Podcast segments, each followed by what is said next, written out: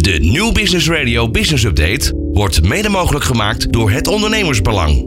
Het online platform voor en door ondernemers. Nieuw Business Radio. Update met Martine Houwert. Welkom bij weer een nieuwe Business Update. Vandaag praten we over hoe je als organisatie kunt blijven groeien en gedrag in je team kunt veranderen. Want wellicht herken je dat wel. Als manager probeer je van alles om de werkwijze binnen je team te veranderen. Maar keer op keer boek je maar een minimaal succes of helemaal geen. Maar hoe kun je dan wel echt het verschil maken en die verandering teweeg brengen? Nou, vandaag gaan we hierover praten met als hoofdthema benut de kracht van gedrag. En dat doen we met Intensa. Intensa begeleidt, adviseert, coacht en traint organisaties en mensen bij het realiseren van ambities en plannen. En het gewenste resultaat is daarbij hun vertrekpunt. Ik ben Martine Houwert en mijn gasten vandaag zijn Mario Bierkens, oprichter en partner bij Intensa, en Freek Donkers, partner bij Intensa. Van hippe start-up tot ijzersterke multinational. Iedereen praat mee op Nieuw Business Radio. Mario en Freek, van harte welkom. Fijn dat jullie er zijn. Dankjewel. We gaan lekker met elkaar in gesprek. We hebben een heel mooi onderwerp. Hè? Benut de kracht van gedrag. Maar eerst eventjes Intensa. Mario, hoe zou jij dat omschrijven? Wat doen jullie echt allemaal precies? Ik zei het zojuist al een beetje al in de intro. Maar hoe beschrijf jij het echt? Nou, wat we willen doorbreken is eh, de teleurstelling die je vaak hebt als je trainingen en coaching volgde. Ja. Dat na afloop ben je vaak heel erg enthousiast en blij en gelukkig. Dan denk je, nou, nu heb ik leuke dingen geleerd. Of ik heb nieuwe inzichten opgedaan. Mhm. Maar als je een paar maanden verder bent, dan valt het, het resultaat heel vaak tegen. En dat was voor ons in de tijd de aanleiding dat we dachten, we moeten meer doen om ondernemers en medewerkers echt te helpen als ze enthousiast zijn. Ook tot echt ander duurzaam gedrag te komen. Ja. En daar is meer voor nodig dan motivatie alleen. ja, duurzaam gedrag. Ja. Mooi, een, een mooi woord wat dat betreft. Ik ben ook wel heel nieuwsgierig hoe jullie dat dan ook echt eh, voor jullie zien. Freek, eh, wat vind jij zo mooi in dit vak? Nou, het mooie is natuurlijk dat je bij heel veel bedrijven een kijkje in de keuken mag nemen. En dat medewerkers vaak ook wel al enthousiast zijn nog voordat ze aan zo'n traject gaan deelnemen. En eigenlijk sluit het heel mooi aan op eh, wat Mario zegt.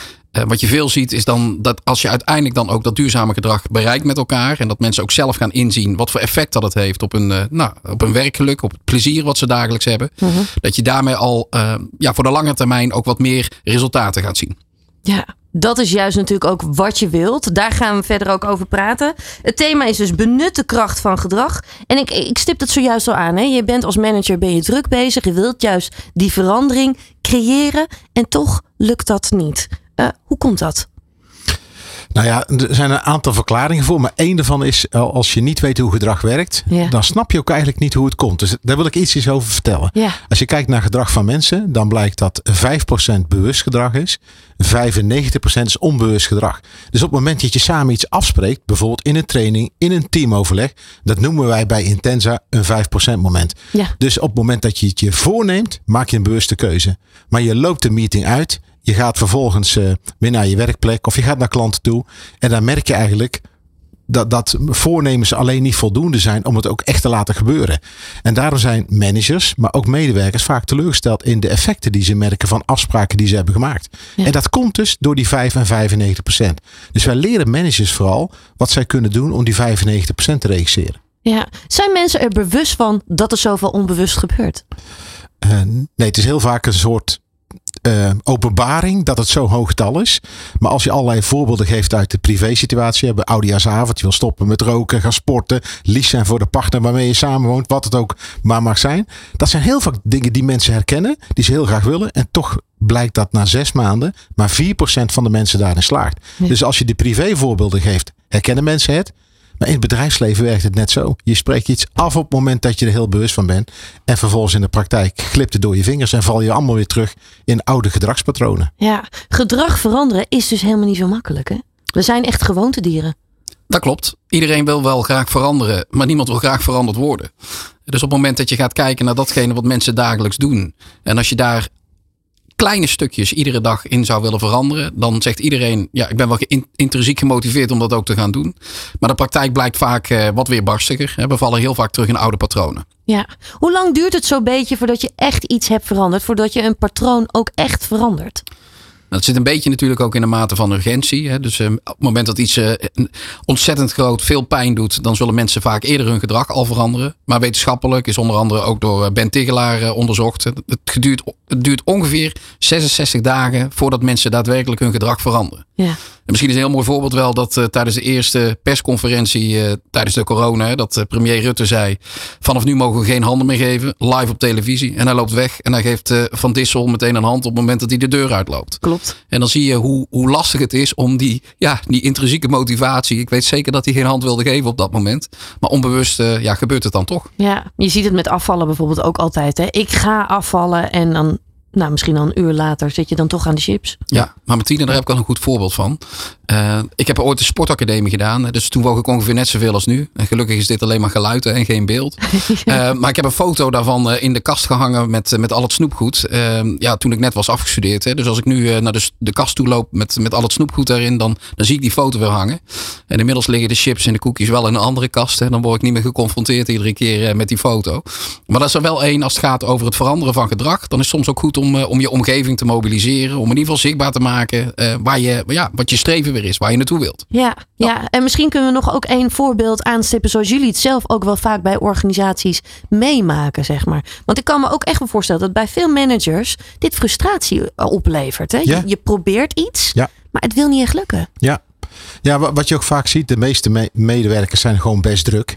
Hebben een druk bestaan. Ja. Eh, en dan gaan ze naar een meeting toe en dan gaan ze met huiswerk weer eh, de, de ruimte uit. Dus ze gaan eigenlijk met meer werk naar buiten als dat ze naar binnen kwamen. En wat wij managers ook leren, het is zo belangrijk om in de meeting al met elkaar de eerste stappen te zetten. Ook al gestart te zijn. Dus eigenlijk moet je niet met huiswerk naar buiten, maar eigenlijk moet je naar buiten lopen van hey, we zijn al gestart met een quick win. We hebben de eerste stap al gezet. En dat geeft een hele andere dynamiek en energie. Ja. Eh, en eh, ja, vaak maken managers veranderingen veel te groot. En dan gaan ze plannen maken en reorganiseren. En wij zeggen, doe dat nou niet. Want als je echt patronen in gedrag wil veranderen, is juist de kunst om het heel klein te maken. Dat mensen voelen, hé, hey, dit is eigenlijk een actie die voor mij zo klein voelt, maar al meteen tot effect leidt.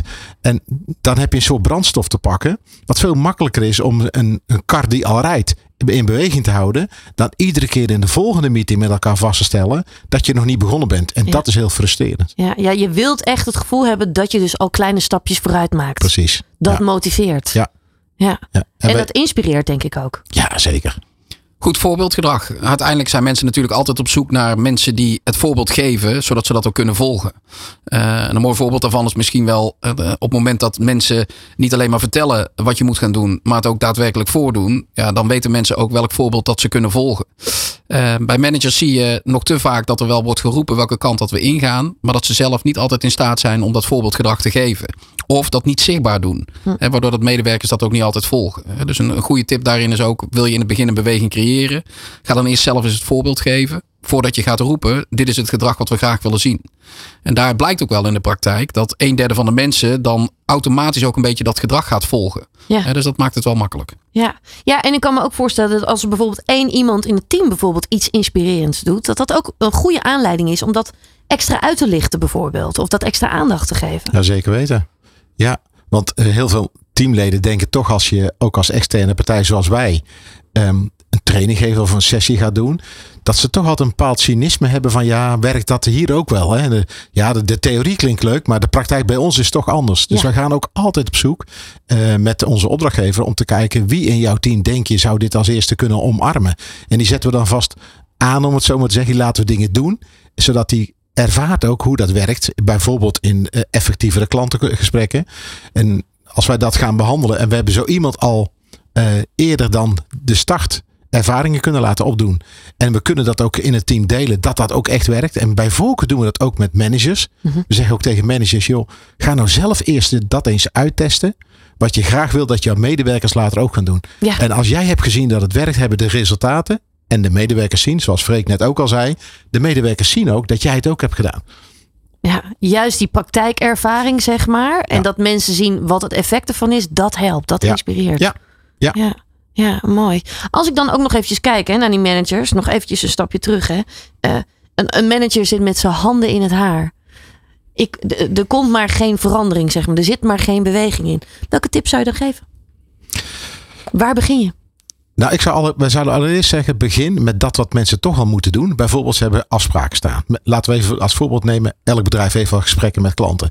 Dan zeggen we ook, ga niet iets veranderen wat er nog niet is. Ga eerst dat wat je toch al aan het doen bent, afspraken met klanten, ga mensen leren hoe ze daarmee impact kunnen maken. Dus ze voelen meteen het effect in de praktijk. Ja. Dus niet door nieuwe dingen te leren, maar door dat wat ze toch al moeten doen, effectiever of met meer impact of makkelijker te laten lopen. En als ze merken dat dat werkt, dan creëer je een soort basishouding. Ik wil meer weten. Zij geloven ook heel erg, verleidt mensen eh, tot verandering in plaats van ze te verplichten. Ja.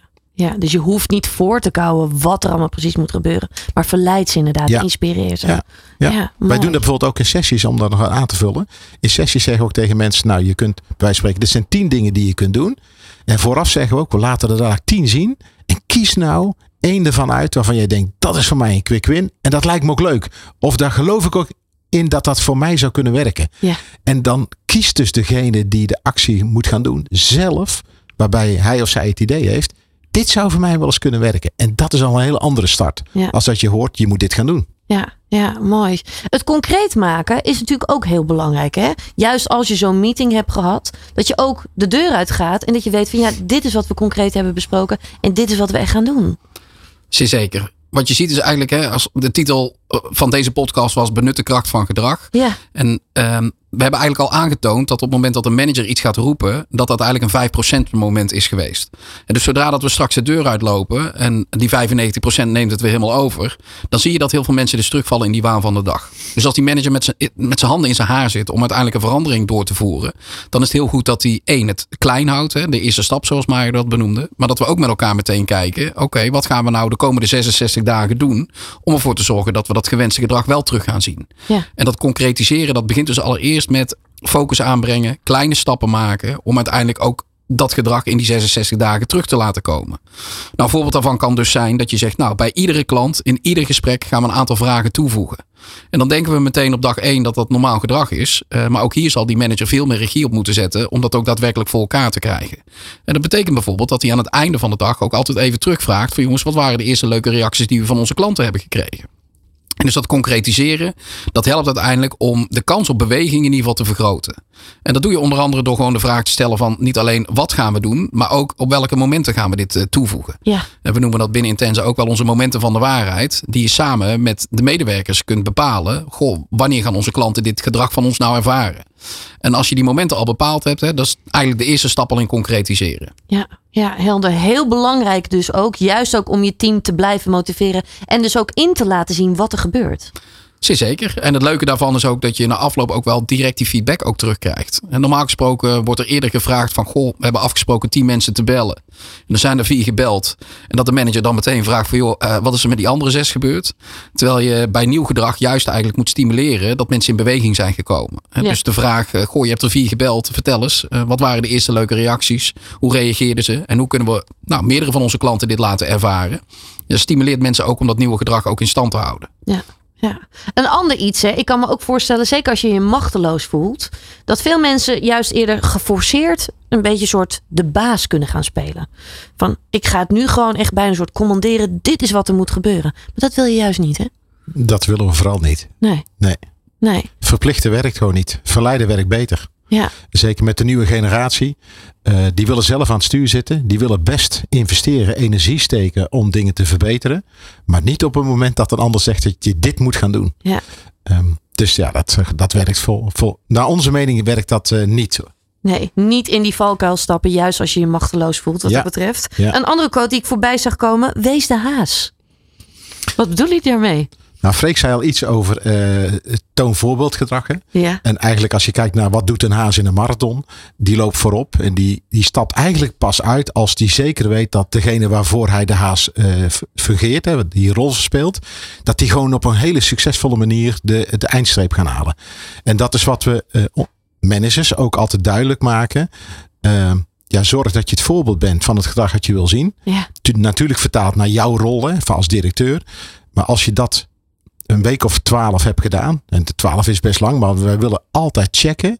Hebben de medewerkers voldoende keren gezien wat jij hebt gedaan? Laten we een voorbeeld geven. Als je het hebt over proactief gedrag. En een ondernemer zou dat graag willen. Dat zijn mensen meer proactief gedrag vertonen.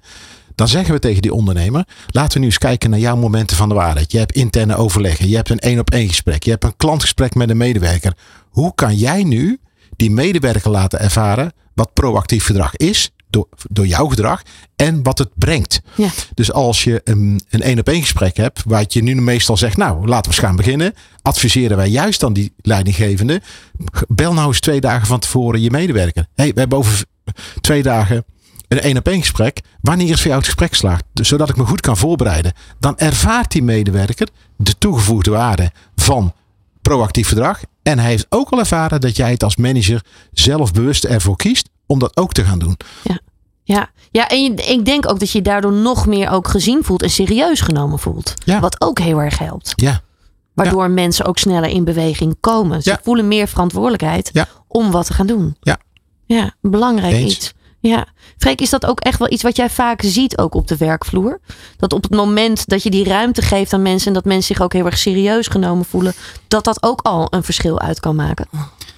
Nou, wat je, wat je zult zien is dat in verschillende lagen van een organisatie, en afhankelijk natuurlijk ook van wat voor soort organisatie, dat er een aantal mensen juist gebaat zijn bij heel veel duidelijkheid.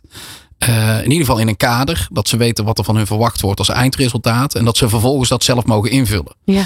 Maar ja, als je kijkt naar inhoudelijk professionals, dan eh, ben ik het helemaal met je eens. Hè. Dan is het eh, soms veel beter om eh, ook die kaders gewoon vrij te laten. En mensen te betrekken bij datgene wat je als ambitie wil realiseren. En daarin merken wij ook in programma's en in trajecten.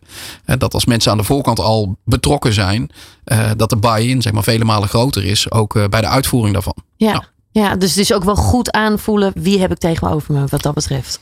Ja, wie heb je tegenover je? In welke laag van de organisatie zitten we? Wat verwachten die medewerkers? Eh, welke vrijheid mogen ze en kunnen ze al, al nemen? Dat, eh, ja, dat zijn wel aspecten waar eh, op voorhand goed naar gekeken wordt. Ja. Tot slot, breng focus aan is natuurlijk een heel belangrijk onderdeel. Je wilt het concretise- concretiseren, maar je wilt juist ook die focus creëren. Wat je ziet eh, in heel veel organisaties natuurlijk, is dat er best wel een aantal ehm, projecten, onderwerpen, ambities ieder jaar weer eh, gerealiseerd dienen te worden. En de neiging die dan vaak een, eh, een proactieve manager toch wel heeft, is om heel veel van die ballen tegelijkertijd natuurlijk in de lucht te gooien. En dat een manager daartoe in staat is, hè, dat is nog één, maar dat betekent ook dat de rest van zijn team ook moet volgen. Soms werkt het juist dan veel beter om focus aan te brengen. Op het moment dat er een organisatie is die zegt we zouden graag nieuwe klanten willen winnen. Of we zouden graag onze bestaande klanten willen uitbouwen. Of we willen graag een prijsdoorvoering eh, doorvoeren, een prijsverhoging. Ja, dan zul je toch uiteindelijk met elkaar eh, een beslissing moeten nemen. Waar gaan we als eerste mee starten? Ja. Dat wil niet zeggen dat je die andere twee niet gaat realiseren. Maar dat het wel heel goed is om daar focus in aan te brengen. Focus loont in dit geval. Door daadwerkelijk eh, ja, het klein te maken, zie je ook dat het makkelijker is om die eerste beweging, dus in je eigen gedrag, ja, te realiseren. Ja. Nou, nou hebben we al heel veel al met elkaar besproken. Hè? Dit is een hele mooie eerste update. Juist om te benadrukken, benut de kracht van gedrag. Tot slot, Mario, zou je nog een, een, een laatste tip mee willen geven voor ondernemers en managers die nu zitten te luisteren? Nou, ik denk dat ze vandaag, eh, als ze zeg maar dit programma beluisterd hebben en gewoon aan de slag gaan, dat ze heel veel afspraken maken met, hun, met zichzelf en met de medewerkers. Ja. En ik zou één tip willen meegeven. Als je de afspraak hebt gemaakt, help jezelf of de medewerker als het betreft eh, met realiseren door één vraag extra te stellen nadat je de afspraak hebt gemaakt wat je gaat doen. Stel de vraag aan jezelf of aan de ander. Wat wordt je eerste stap? Hoe ga je starten? Hoe ga je zo meteen als je terug bent op je werkplek ehm, meteen de actie die we net hebben afgesproken starten? Onze ervaring is dat juist de start, de eerste stap zetten en daar met name de hoe van, hoe ga je starten, dat dat vaak, de, je gaat ervan uit op het moment dat je de afspraak hebt gemaakt, dat dat wat duidelijk is. Maar je zult versteld staan als je wat vaker deze vraag stelt, hoe stil het aan de andere kant blijft. Of hoe stil het ook in je eigen hoofd blijft. Ja. Want dat onderschatten we enorm. Als dat niet helder is, start je dus niet. Nee. Dus dat zou ik als tip willen meegeven. Stel na elke afspraak die vandaag gemaakt is, de vraag aan jezelf of aan de ander. Hoe ziet de start eruit? Ja, mooi. Een mooie tip. En dit is ook het onderwerp waar we de volgende updates ook natuurlijk verder over gaan praten. Eh, Mario en Freek, ik wil jullie heel erg bedanken voor het delen van jullie kennis. En heel graag tot de volgende keer. Graag gedaan. Van hippe start-up tot ijzersterke multinational. Iedereen praat mee op Nieuw Business Radio.